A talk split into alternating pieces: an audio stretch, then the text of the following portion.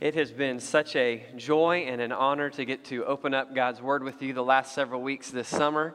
Uh, Pastor Chris is on his way back from Bolivia today, so you can be in prayer for him and the other pastors coming back.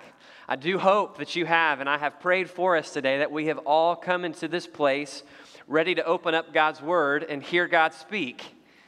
Because whether God speaks loudly today or quietly today, the truth is, every time we open up His Word, He is speaking right then and there. And so he is speaking to us today. Now, a couple weeks ago, we looked at uh, the feeding of the 5,000, and we, we, we, we saw in that passage that God very clearly has called you and I, if we are followers of Him, if we've been saved by grace through faith, He has called and entrusted to you and I a ministry.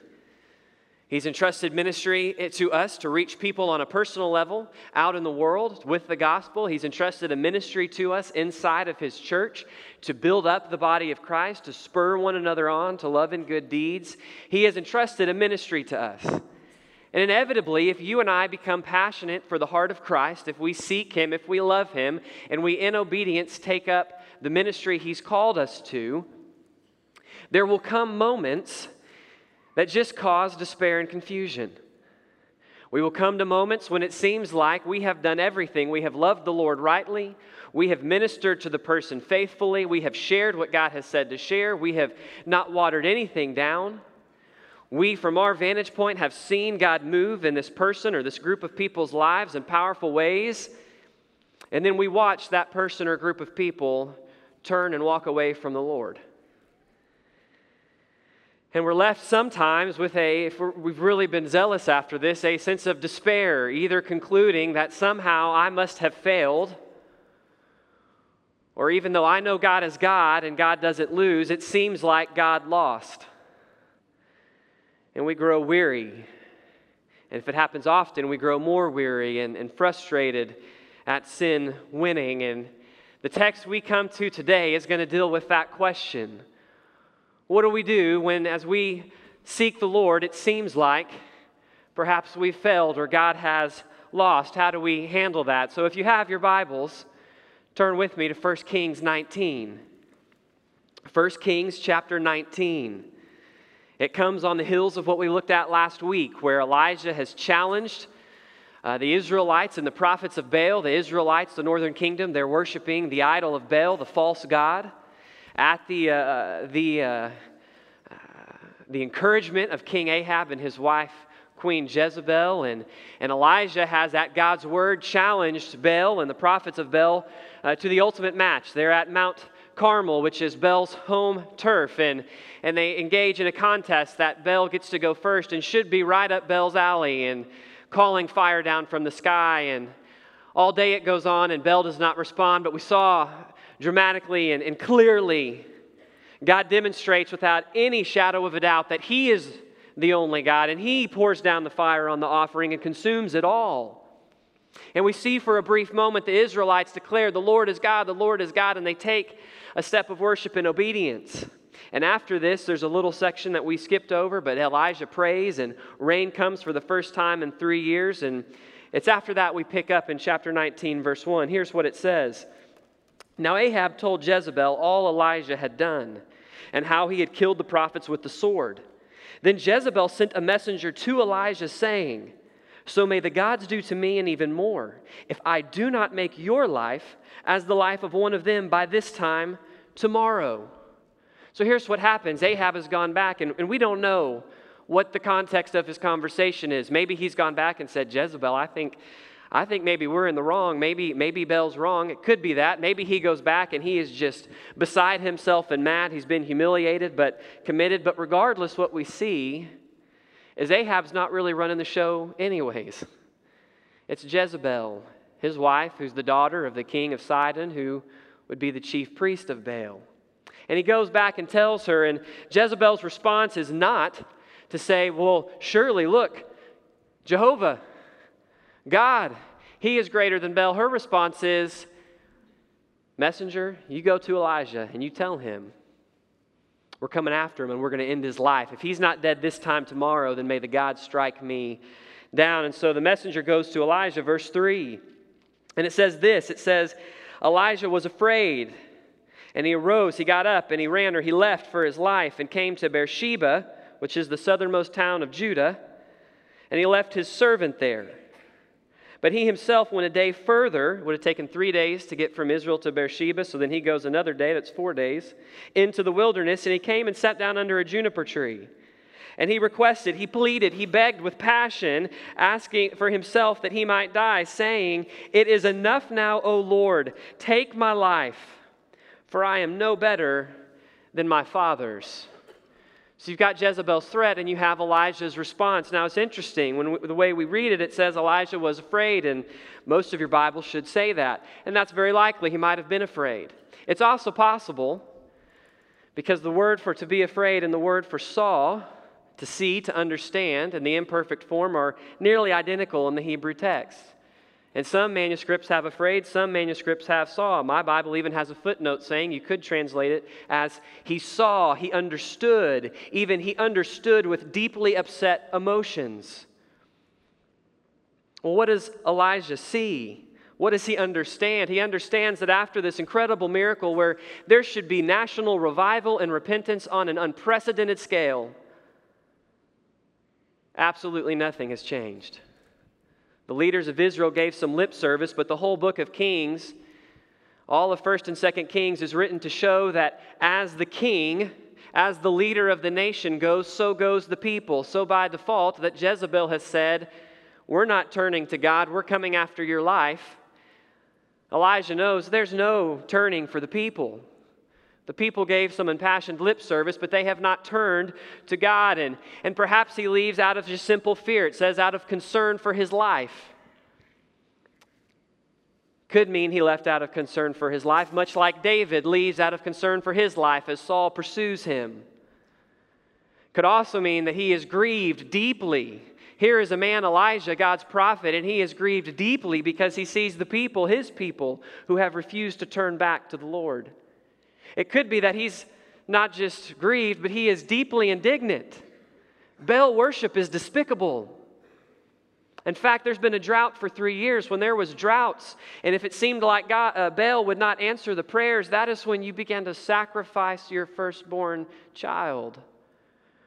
Or you began to go to the Asherahs, the wife of Baal, and you began to engage in rampant sexual immorality, trying to appease the gods. It could be that he is disturbed because he sees that this wickedness will not end. It is possible, it is all three. The truth of the matter is, Scripture does not tell us what his deepest emotions or thought was. It simply says he finds out his life is threatened, and out of concern for his life, he leaves and he goes to the southernmost part of, the, of, of Israel that he can possibly go. And when he gets there, you clearly see that he is deeply disturbed. Some would say that he's being self pitiful. I don't think that's what the text indicates. It seems just simply he feels like all is lost. That's what his cry is Lord, take me home. Take me home because I'm not worth anything anymore. I'm no better than my fathers. I'm no better than the prophets who've come before me who preached your word and Israel didn't respond. Or even more so, I'm no better than those who've come before me who now are dead and therefore can't do anything, anyways. God, there's no point. And so he is passionate in asking the Lord to take his life. This is his response. And look at verse 5. It says, He lay down and slept under a juniper tree. And behold, all of a sudden, suddenly, an angel appeared and touched him. And the angel said to him, Get up, eat. So Elijah looked, and behold, there was at his head a bread cake baked on hot stones and a jar of water. So he ate and he drank, and he lay down again in order to sleep. Then the angel of the Lord came a second time and touched him and said, Get up and eat, because the journey is too great for you.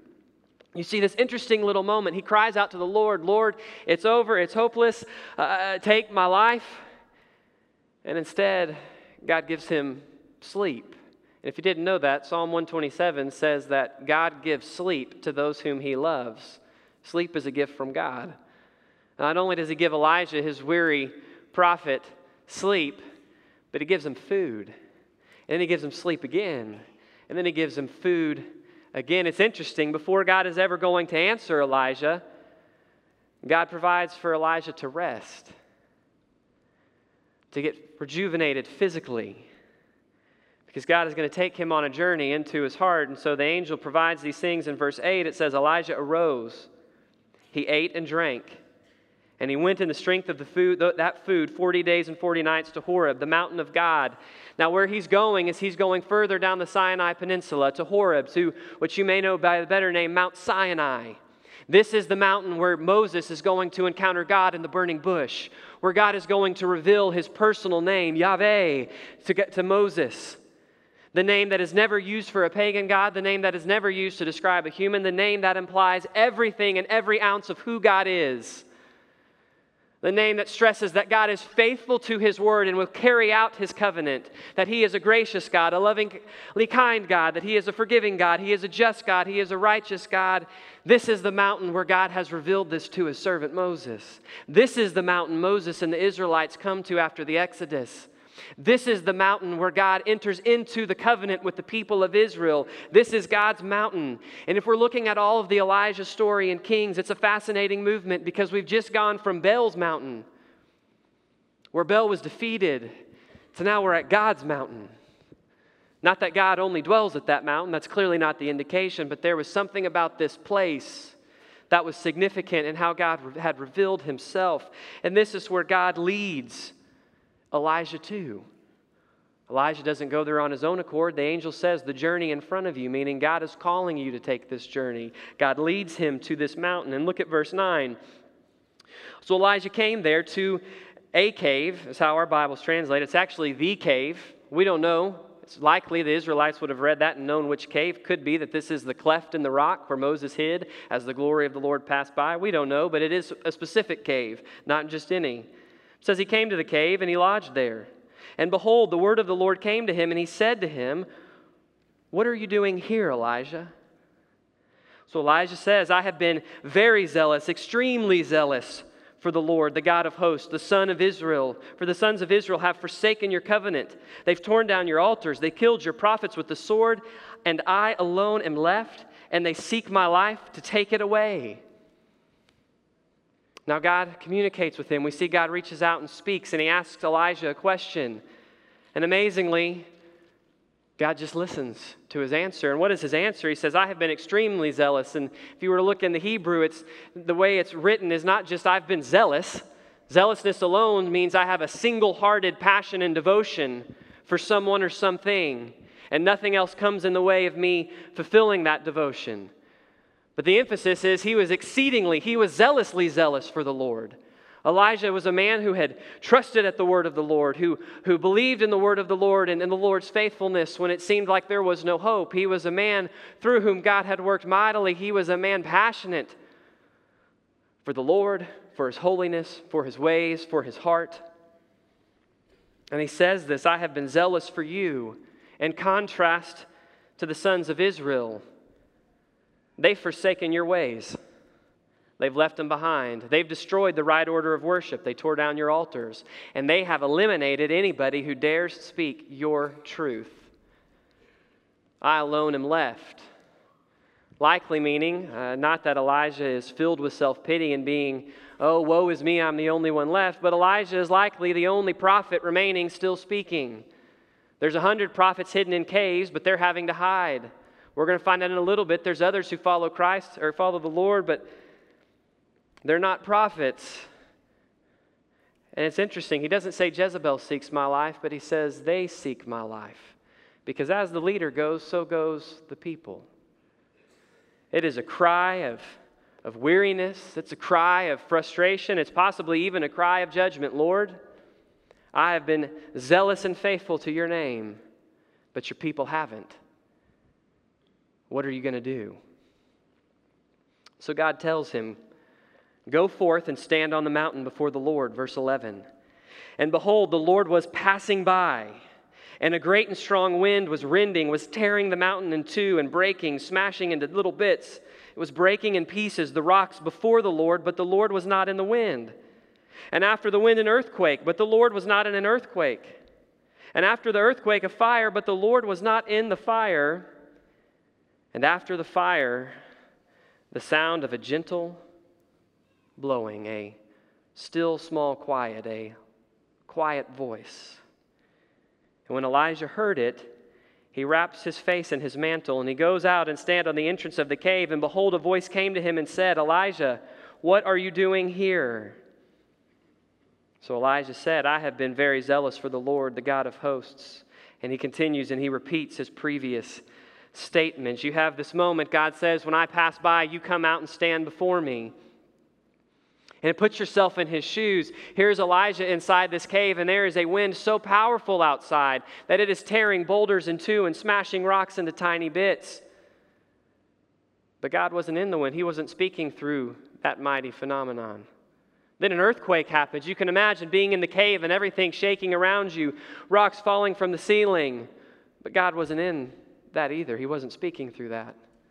And then, even though God had just showed up in the fire, even though in the Exodus he appeared in the, in the pillar of fire, now there's a raging fire, but God was not in that fire. Instead, it was a quiet voice, a low whisper, a silence. And when Elijah hears this, he knows the Lord is there, and he goes out in his presence and he wraps. He wraps his face because even in the midst of his despair, even in the midst of his frustration, God is still holy and he still must go into the holy presence of God where no man may look and glimpse. So, out of respect and fear for the Lord, he wraps his head and he goes out, and God asks him again, and he repeats his statement. But this time, God answers him. Verse 15 The Lord said, Go, go back, and return on your way to the wilderness of Damascus. And when you get there, you're going to do three things. You're going to anoint Hazael, king over Aram. You're going to anoint Jehu, son of Nimshi, king over Israel. And you're going to anoint Elisha son of Shaphat of Abel-meholah, you're going to anoint as the prophet who will come behind you. And it shall come about that the one who escapes from the sword of Hazael, Jehu shall put to death. And the one who escapes from the sword of Jehu, Elijah shall put to death. Yet in the midst of all of this, I will leave 7,000 in Israel, every knee who has not bowed to Baal, and every mouth that has not kissed him. To Elijah's response, God gives an answer. And God's answer is Elijah, don't be discouraged and don't be in despair. I have not lost because God doesn't lose. I am faithful to judge. The three people he will anoint, the language there is Elijah's going to anoint them. It's going to be these three individuals that God is going to use to bring judgment upon Israel, judgment upon the house of Ahab and Jezebel. And it will be these three individuals that God uses to purge all of the worship of Baal out of the life of the Israelites. But in the midst of this purge, in the midst of his faithfulness, in the midst of his faithfulness to judge, God also makes clear to Elijah Elijah, I know you're disheartened. I know you're frustrated. I know it seems that no one has responded, but make no mistake. Just as I am faithful to judge, I am still mighty to save. And there are several, there are many who have not bowed yet to Baal. They have not given themselves over to Baal, and every last one of them I will save. I will preserve the remnant. So Elijah hears this, and verse 19 picks up and says, He departed from there and found Elisha. And the next several verses speak of, of Elijah, Elijah, being obedient to have heard the Lord's answer and now set about doing what God has called him to do. And it ends with him anointing Elisha and Elisha coming with him. And if you look in verse 21, it said, Elisha arose and followed Elijah and ministered to him you have this interesting passage. And as I studied and prepared this week and prayed and spent hours praying through the text, there's a variety of different ways people take it, but it seems very clear when you walk through this text. The text really deals with what happens when you and I prove zealous for the Lord, when we walk with Him, when we stand where He stands, where He speaks what He speaks, where we engage in the ministry He's called us to. But it seems as if, because of the people's lack of response, that either we have failed or God has lost. What do we do? And God has made abundantly clear to Elijah, who seems to feel this, has made abundantly clear to him Elijah, you need to know who I am.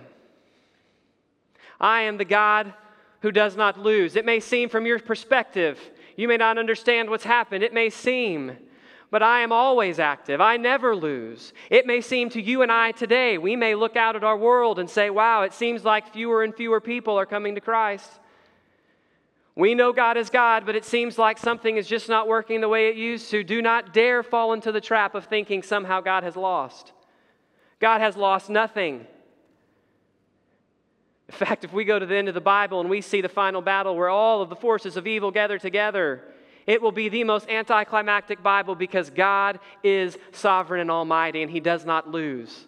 And because he's sovereign and almighty, what does he show to Elijah? Is the same thing he shows to us. God is faithful to judge. He is faithful to judge. God always deals with our sin and rebellion. Make no mistake, Israel is not getting a pass. Israel's not going to get a pass because they gave some lip service to God and then they've turned back away, and God goes, Well, I guess I'll just let them be. God is going to deal with them. God always deals with sin and rebellion. Always. He never does not. He is a faithful God to bring about his justice because he is a just and holy God. But he is also a patient God. What he tells Elijah, the means he's going to use, these three men, he says, to anoint them, and it will come about, meaning it's going to take some time. God does not always pour out his justice on our sin immediately like it deserves. Instead, he is a patient God. First, Second Timothy, uh, Peter 3, verse 9 says, God is not some, slow as some count slowness, but he is patient, wishing that none should perish, but all should come to know him. He is giving Israel time to respond. He is a patient God. But what's interesting is, in the northern kingdom in Israel, he's just come. There's been these, Elijah's in the cave. There's the wind, there's the earthquake, there's the fire. But then God speaks not through those, but the still small voice. There's certainly a lesson there for Elijah. God may not always speak through the big things we expect, but he always speaks through the persistent, quiet testimony of his word. But it's also interesting. There seems to be a movement, as what he shows Elijah there. Mount Carmel will be the last massive national miracle that God will perform in front of the people of Israel. The rest of the time after this, there will be miracles, but they will be with the prophet or they will be with small groups of people. Instead, the word to the whole of Israel will not be miracles, will not be signs and proofs, but it will just be the faithful word of the prophets telling them what God has said. You see, you and I need to understand something very clearly today about our sin, our rebellion. God deals with it. Now, He's patient. And there are times in my life as a believer, and undoubtedly in yours, where there is some sin in our life, some area of unbelief, some area where we are not walking in, in, in rightness with God, and God does something big to get a hold of our attention. Maybe it was that camp. Maybe it was that revival. Maybe it was that passion. Maybe it was fill in the blank. But God, in a big way, grabs hold of our heart, grips our attention, and says, I am God. Come out, repent, turn, come to me. And maybe initially we cried out, You're right, Lord, you are God. But then when we stepped away from that mountain, from that experience, we have turned right back into the habit of our sin.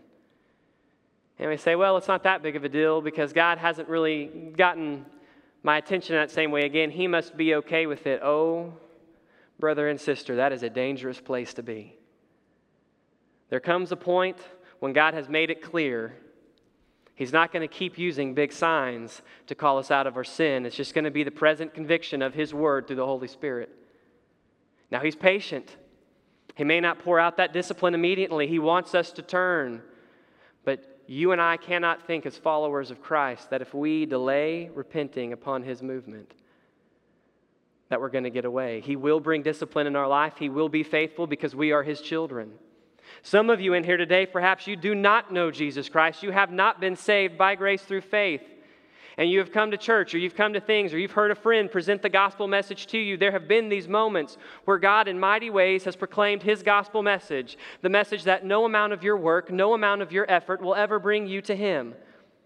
Instead, the simple truth is he loves you. And he has come and he has died. He has taken your sin, that which separates you from him, that which enshackles you to false gods. And he has died. He has paid the price, but He has also risen, and He now offers you salvation not through your work, but through simply resting in Him, through having faith in Him. And He saves you by His grace. Can I just tell you? Do not ignore His calls. Because there comes a point where if you keep ignoring, the calls will back down. His heart is for you, we need to understand He is faithful to judge. And just as He is faithful to judge, here's the amazing hope He is still mighty to save. We live in a world that is increasingly secular, a world that has turned, a world that has ignored the clear evidence that says Jesus is the Messiah. He is God Almighty and He is coming back. But let us not grow weary. God is still mighty to save. He says to Elijah, There are still some who have not bowed, and I will save them. No, it may not be the nationalistic revival you were expecting. But just because what you were expecting didn't happen does not mean that I am not mighty to save. The blood of Jesus Christ is just as powerful and just as mighty to save today as it was 2,000 years ago on the day of Pentecost.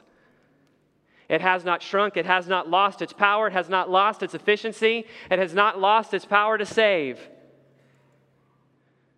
And the amazing thing about the blood of Christ is even when we as believers and even when we as the church should stumble and fail, even our failures don't diminish the power of His blood. He is mighty to save. And all around this world, He is bringing and wooing and bringing people to Him.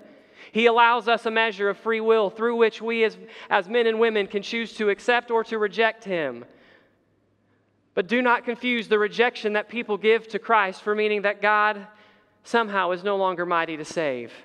He is mighty to save. We must trust this. We must believe this. This means if you're in this place today and you do not know Him, you can know Him. Today is the day of salvation. He can save you today. This means for you and I who have been saved, let us never, ever forget the power of the salvation with which we have been saved. His blood is mighty to save. He is telling us today through His Word, He is faithful to judge, He is mighty to save. But there's a third thing He's showing about Himself that we've got to make sure we know that just as he is faithful to judge and just as he is mighty to save, he is also gracious to revive and restore the weary heart. Look throughout the text with me. Look at what God does in here.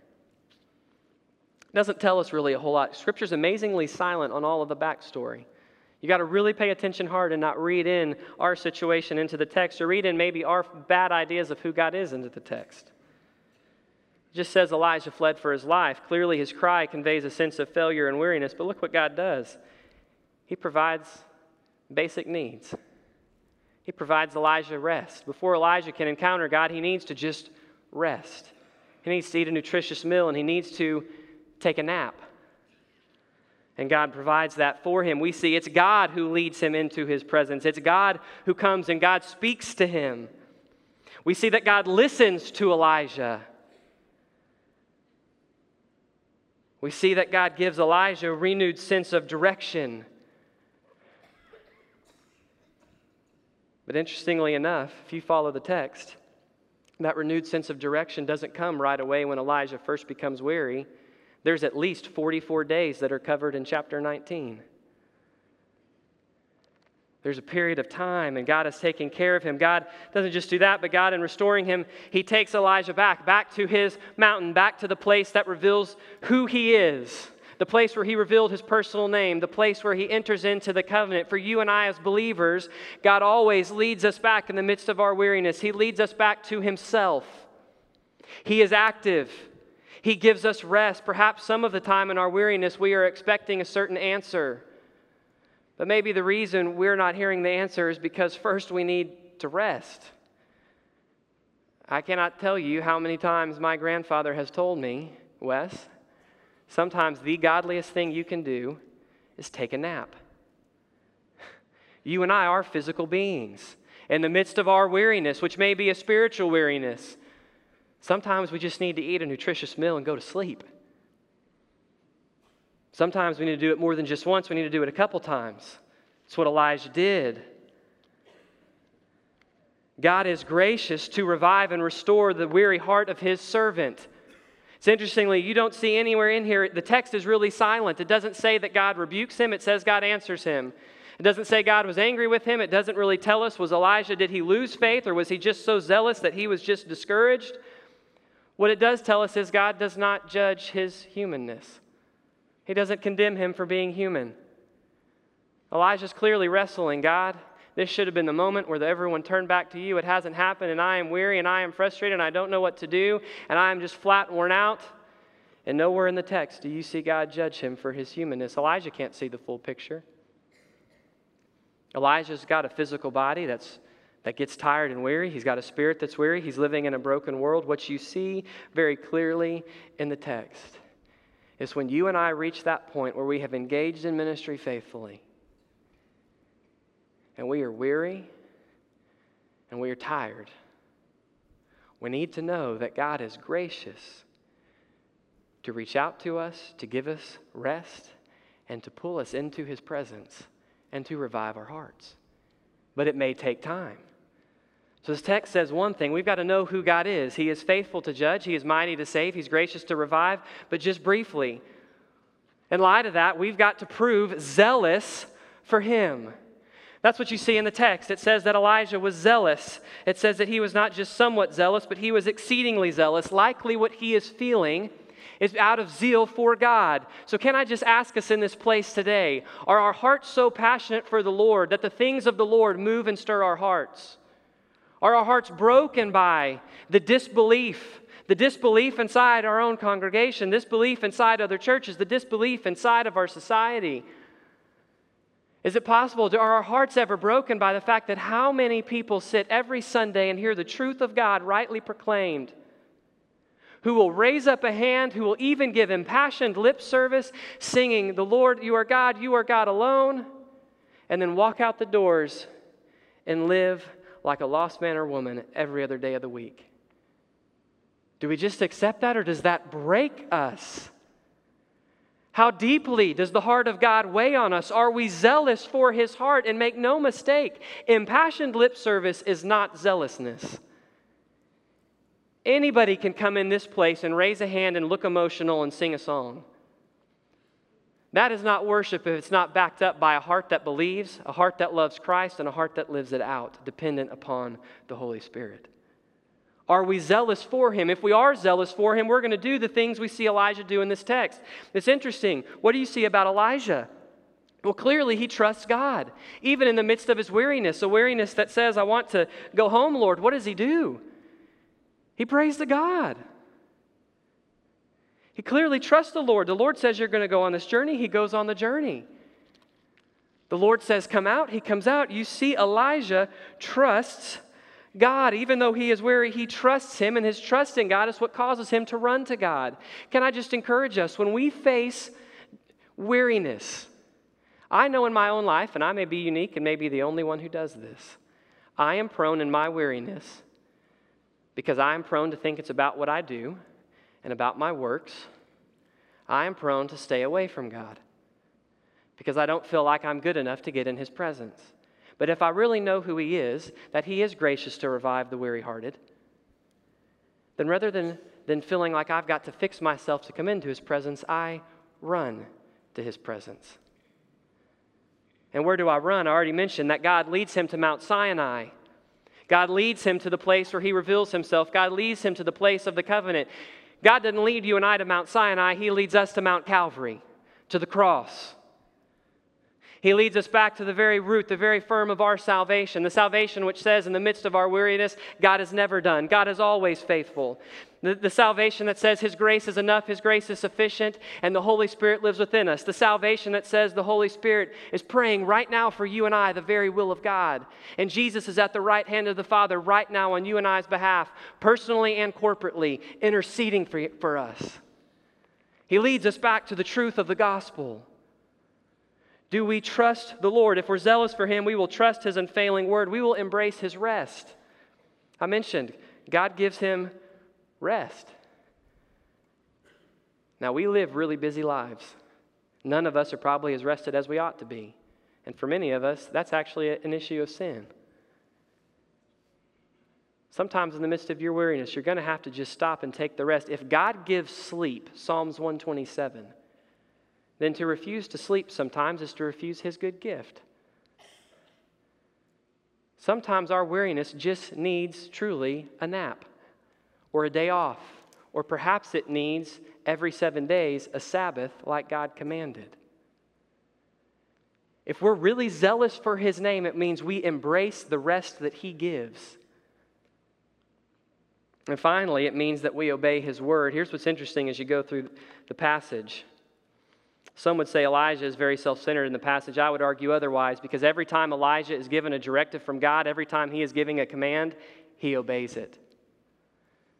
In the midst of his weariness, he remains zealous for the Lord. He pleads his case before the Lord. The Lord listens. In the midst of his weariness, he clearly trusts the Lord. He clearly embraces the rest. When God gives him sleep, he sleeps. When God gives him the food, he eats. But he also obeys every word the Lord gives him. And what do you see? God gives him a command at the end, verse 15. He says, Go, return. So what does Elijah do? He goes and returns. If you and I are zealous for the Lord, then even in the midst of our weariness, we're going to trust Him, we're going to embrace His rest, but we continue to obey His word. Which for Elijah meant go back, Elijah, go back to the people I've called you to, go back to the place I've called you to, and don't be concerned with the result. Be faithful to do what I've called you to do. You and I cannot control results in ministry. Uh, I, I, won't share the whole story, but I think of guys that, that I have ministered to in the past, guys where I have been outmatched in every way. Uh, one time had a, a, student in college that I was an RA to who had an IQ of 195. And just to uh, uh, uh, quantify that for those of us who are not an IQ of 195, Albert Einstein was 160. I was outmatched in every way, and yet somehow the Lord not because of me, but in spite of me, worked in this person's life, and this young man gave his life to the Lord after being a vehement atheist. But I can come over here to the other side and I can show you people whose lives I have poured countless in, who have seen massive and mighty, powerful works of God, who just always reject the Lord. I can't control the results. You can't control the results. But what we can do, if we're zealous for the Lord and we understand who He is, is we can obey. We can be faithful. And in the midst of our weariness, we can trust Him and we can rest, but we can continue to go about doing what God has called us to do because we know and are sure that God never loses. He is always faithful to judge, He is always mighty to save. Even when people reject, He is always mighty to save. And praise the Lord, in the midst of our weariness, He is gracious gracious to restore us and revive us. In fact, there's Psalm 35. Uh, or Psalm 18, verse 35 says, Your gentleness restores me. That word gentleness uh, could be translated another way, and it literally means one who is in authority who steps down off of their position of, of power to reach one who is lowly. That doesn't mean God leaves behind his authority, but we need to understand today God's heart is gracious. He is gentle, He is loving and kind, and He will revive and restore every weary heart of His servants. So, in light of that, may we prove zealous for His name. May we trust Him, may we rest, and may we be found to be obedient. Pray with me. Father, I do praise you that you understand our limits you understand, um, God, that just a lot of times we just, we just don't see the full picture. And Lord, I know in my own life there have been moments where I have been weary, where I have been discouraged, uh, deeply so, because it seems as if, God, I have walked well with you, I have done what you've asked, but there is there's no response from the people or from the person that I'm sharing the gospel with, or, or that's there. And, and Lord, I grow into this place of weariness, sometimes rightly, sometimes wrongly. But Lord, I praise you that you are gracious to revive our hearts in the midst of that weariness. Lord, I praise that you are faithful to judge and you are mighty to save. And my prayer, very simply today, is for every heart in this room that as we move into a time of invitation, Lord, that we would truly be sensitive, that we would not miss the fact that you don't always speak through loud, but you always speak through your quiet voice. So, God, may we hear your still, quiet voice today, and may we respond. With your heads bowed and your eyes closed, as the Lord lays on your heart, if you need to come down and, and, and meet the Lord personally today, we'd be happy to talk with you about that. If you need to join the church, to put your life into the community here at Central Baptist Church, we can talk to you about that. If you just need prayer, we are here as ministers down at the front. You come in this time.